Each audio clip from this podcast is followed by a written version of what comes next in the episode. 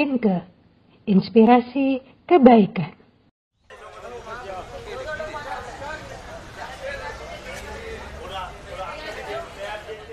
Bunda, aku sedih karena tidak dapat melakukan suatu hal yang besar.